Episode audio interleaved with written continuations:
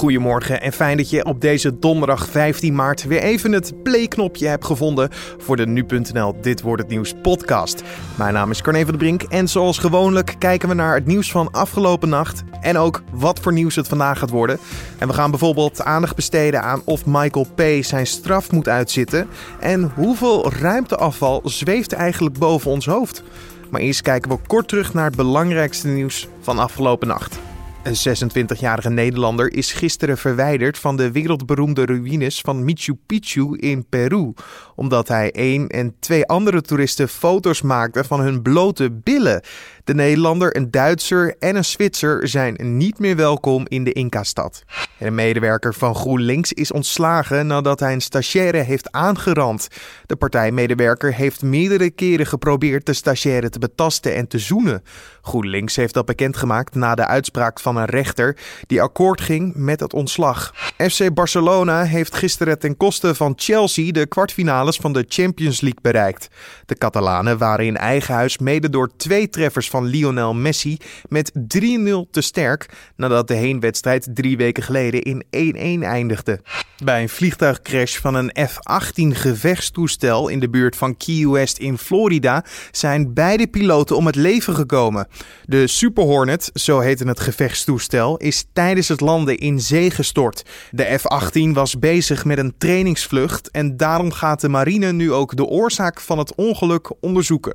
De nationale ombudsman Reinier van Zutphen roept de gemeente en politie op om demonstraties volledig en zonder voorbehoud mogelijk te maken. Ook moeten zij terughoudend zijn bij het opleggen van beperkingen en voorschriften. Het recht om te demonstreren staat onder druk, zo stelt de ombudsman. Nou kijken we naar het nieuws van vandaag, oftewel dit wordt het nieuws. De rechtbank doet uitspraken of Michael P., verdachte in de moordzaak van Anne Faber, zijn eerdere straf moet uitzitten. P. kreeg in 2012 12 jaar zelf opgelegd voor de verkrachting van twee meisjes in 2010. Dit jaar zou hij dan in aanmerking komen voor de voorwaardelijke invrijheidstelling, zoals dat heet. Maar was P. dan niet al op vrije voeten? Die vraag stelt collega Julian Dom aan onze rechtbankverslaggever Joris Peters. Uh, nee, nee, nee, hij was niet vrij. Nee, hij zat in een kliniek in Den Dolder. Mhm. Uh, en dat is een verlengstuk van, van je gevangenisstraf. Uh, en daar werd hij wel voorbereid om terug te keren in de maatschappij. Daar is die kliniek voor bedoeld. Uh, maar hij genoot wel heel veel vrijheden. En daar is wel uh, veel discussie over. Hè. Had hij wel zoveel mogen buiten komen zoals hij in dit geval kon. Ja, het OM vindt dus nu dat P die vrijheid niet mag krijgen, die volledige vrijheid. Dat lijkt me nogal een open deur, of niet? Ja, zo zou je het misschien kunnen zien. Je, je moet je voorstellen, hij zou sowieso dit jaar al niet vrijkomen, want hij zit nu vast in een andere zaak. Uh, maar uh, Michael P. is inderdaad in 2010 aangehouden. Uh, niet alleen voor die, voor die dubbele verkrachting, maar hij zou ook verantwoordelijk zijn voor een aantal straatroven. Mm -hmm. um, nou, dan zijn we nu acht jaar verder. Dat betekent dat acht van die twaalf jaar celstraf erop zit. En dat hij in principe voorwaardelijk vrij zou mogen komen. Nou, het OM zegt dat, dat dat niet mag. En er is namelijk een, een uitzondering in de wet die dat tegen kan gaan. Uh, dat heeft ermee te maken als jij uh, verdacht wordt van een ernstige misdraging. Mm -hmm. uh, daar mogen wij hier toch zeker wel van, van spreken in deze zaak. Ja. Um, en hij heeft natuurlijk ook al bekend dat hij, dat hij een rol heeft gespeeld bij de verkrachting en het doden van Anne Faber. Um, dus op die manier zou je het een, zou je het een open deur kunnen noemen. Maar uh, ja, het is afwachten wat de rechter beslist. Zijn er eigenlijk vergelijkbare zaken geweest? Want ja, kan de rechter gebruik maken van precedent bijvoorbeeld? Nou ja, de, de, misschien de bekendste is wel is Willem Holleder. Uh, die, die kwam in 2012 vrij vanwege uh, na zijn veroordeling voor de, in de afpersingszaak. Welke afpersingszaak bedoel je dan? Dat was van, van onder andere Willem Enstra, maar ook Kees Houtman. Ah, ja, daarvoor ja, ja. kreeg hij negen jaar celstraf. Mm -hmm. En toen had hij daar zes jaar van uitgezeten. Maar tijdens die invoorwaardelijke vrijheidstelling heeft hij toen misdaadverslaggever Peter R. de Vries bedreigd. Daarvoor is hij ook veroordeeld. En, en daarbovenop moest hij ook nog zijn drie jaar oude straf moest hij ook nog, nog uitzitten. Dus de rest van zijn straf die hij had gekregen, moest hij ook nog uitzitten. En dan laten we dan even teruggaan naar Michael P. Want ja, als hij dan nu toch die volledige straf moet uitzitten, uh, wanneer kunnen we dan zeggen dat hij dan vrijkomt? Als we even een rekensommetje maken. Nou, dat, dat, dat, ligt nu maar net aan uh, voor hoeveel jaar celstraf hij wordt veroordeeld in, in de zaak van Anne Faber. er even vanuit gaan dat hij wordt veroordeeld. Dan moet jij zo rekenen dat hij de straf krijgt. En daarbovenop komt dan nog de straf die hij nog moet uitzitten. De uitspraak van vandaag kan je natuurlijk ook weer gewoon lezen op nu.nl. Al ruim 60 jaar hebben we satellieten in de ruimte hangen, maar lang niet alles is nog in gebruik.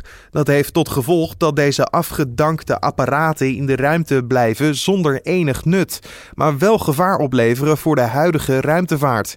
Dit is vanavond het onderwerp van Focus op NPO 2. Julien Dom belde afwas daarover met wetenschapsjournalist en presentator van het programma Diederik Jekel.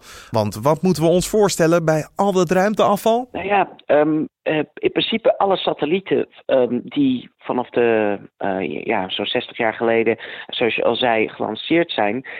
Veel daarvan die zweven nog rond. Kijk, zeker de hoge satellieten, hoe ver die van de aarde afgaat, hoe minder lucht je tegenkomt. Um, waardoor je dus ook niet afgeremd wordt. En die, die dingen in principe heel lang nog kunnen rond blijven zweven. En het, het lastige is dat um, die satellieten, die gaan niet allemaal achter elkaar aan. Het is niet zo dat, dat net zoals op de A2 bijvoorbeeld allemaal achter elkaar aan um, rijdt. Maar ze hebben allemaal eigen banen en richtingen. En ze gaan allemaal ongelooflijk snel. Dus het kan zomaar zijn dat als op een gegeven moment zo'n satelliet een andere satelliet tegenkomt, dat ze met iets van 20, 30.000 kilometer per uur gewoon op elkaar botsen.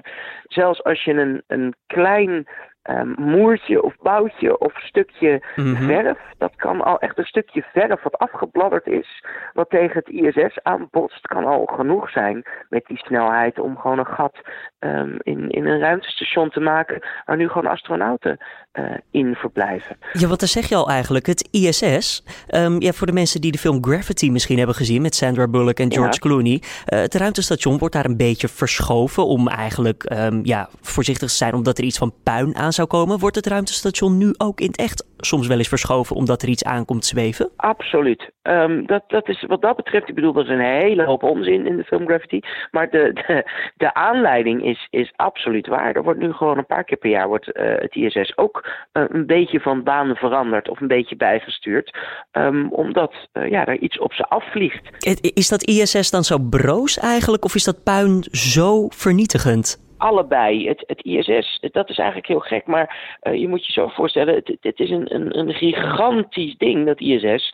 Um, en het is dus heel belangrijk dat dat zo licht mogelijk is.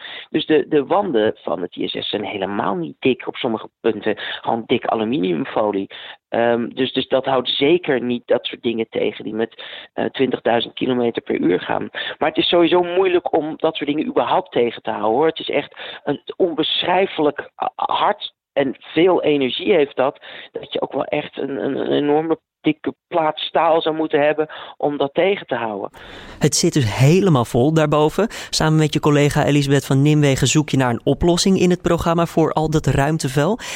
Is die er sowieso wel? Want ik hoor dat het lijkt eigenlijk een beetje op een ja, nogal troosteloze zaak als ik het zo aanhoor. Uh, ja, absoluut. En, en, en nou ja, goed, kijk, wij zoeken naar een, een, een oplossing in die zin natuurlijk. Wij zijn ook maar, maar, maar, presentatoren. Maar de wetenschappers zijn er wel echt heel erg hard mee bezig. Dus je, je kan het eigenlijk het probleem in, in twee dingen opdelen. Um, je moet in ieder geval voorkomen dat het niet erger wordt. Mm -hmm. um, en we moeten kijken wat we met de afgelopen 60 jaar oude troep uh, gaan doen. Voorkomen we um, al op het moment dat het niet erger wordt? Zijn we wat duurzamer bezig in de ruimte? Absoluut. Um, kijk, nee, de, elk land, dat is ook wel grappig, heeft um, ruimtewetgeving. Daar kom je natuurlijk als normale burger niet zo vaak mee in aanraking. maar als, je, als jij een Nederlandse satellietbouwer bent, dan ben je wettelijk verplicht om ervoor te zorgen dat een satelliet na 25 jaar zichzelf onschadelijk maakt.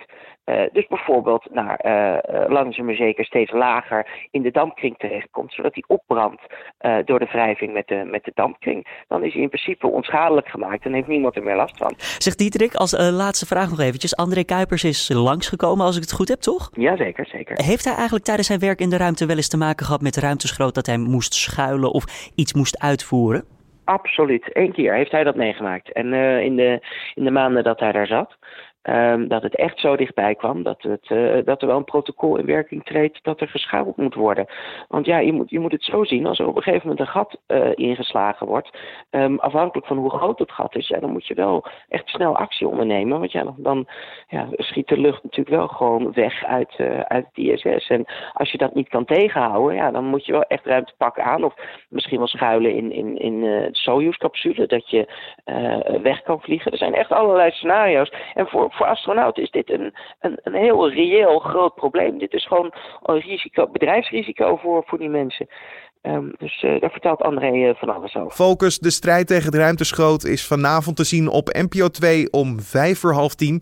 En je hoorde aan de telefoon Diederik Jekel. En dit gebeurt er verder vandaag nog. De NAVO komt vandaag bijeen om te praten over de kwestie rond het vergiftigen van de voormalige Russische dubbelspion Sergej Skripal en zijn dochter Julia. Dit vond plaats in het Engelse Salisbury. De NAVO-landen zeggen zich ernstig zorgen te maken over de eerste chemische aanval met zenuwgas op NAVO-grondgebied. Dit sinds de oprichting van de alliantie. De NAVO vraagt Rusland om volledige openheid en dat het alle medewerking verleent aan het Britse onderzoek. Nou kijken we waar onze collega's vandaag over schrijven.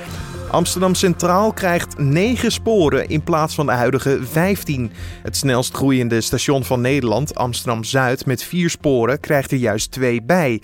Dat besluit maakt staatssecretaris Tientje van Veldhoven van Infrastructuur vandaag kenbaar. Dat meldt de Volkskrant.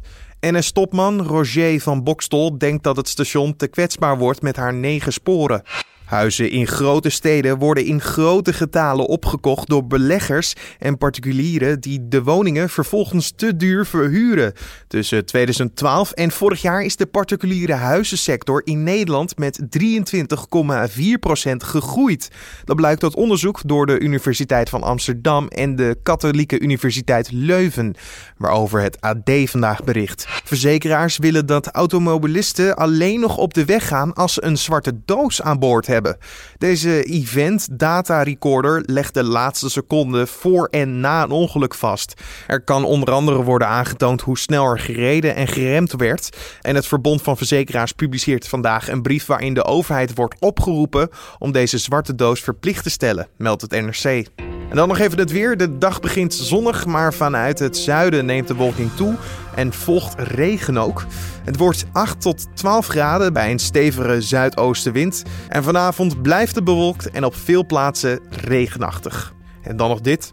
Als ik mijn geluksniveau nu een cijfer zou moeten geven, dan zou dat van een schaal tot 1 tot en met 150 ik denk een, een 6. Ja, dan wordt het een 6. Dat komt namelijk mooi uit, want we staan als Nederland, net zoals vorig jaar, op de zesde plek van de ranglijst van gelukkigste landen. Maar wie echt het geluk zoekt, moet in Finland zijn. Het land is van de vijfde naar de eerste plek geklommen in het overzicht van de Verenigde Naties. Landen in Afrika zijn het minst gelukkig. Onderaan bevinden zich landen zoals Zuid-Soedan, de Centraal-Afrikaanse Republiek en Burundi als hekkensluiter. Dit was dan de Dit wordt het nieuws podcast voor de donderdag 15 maart.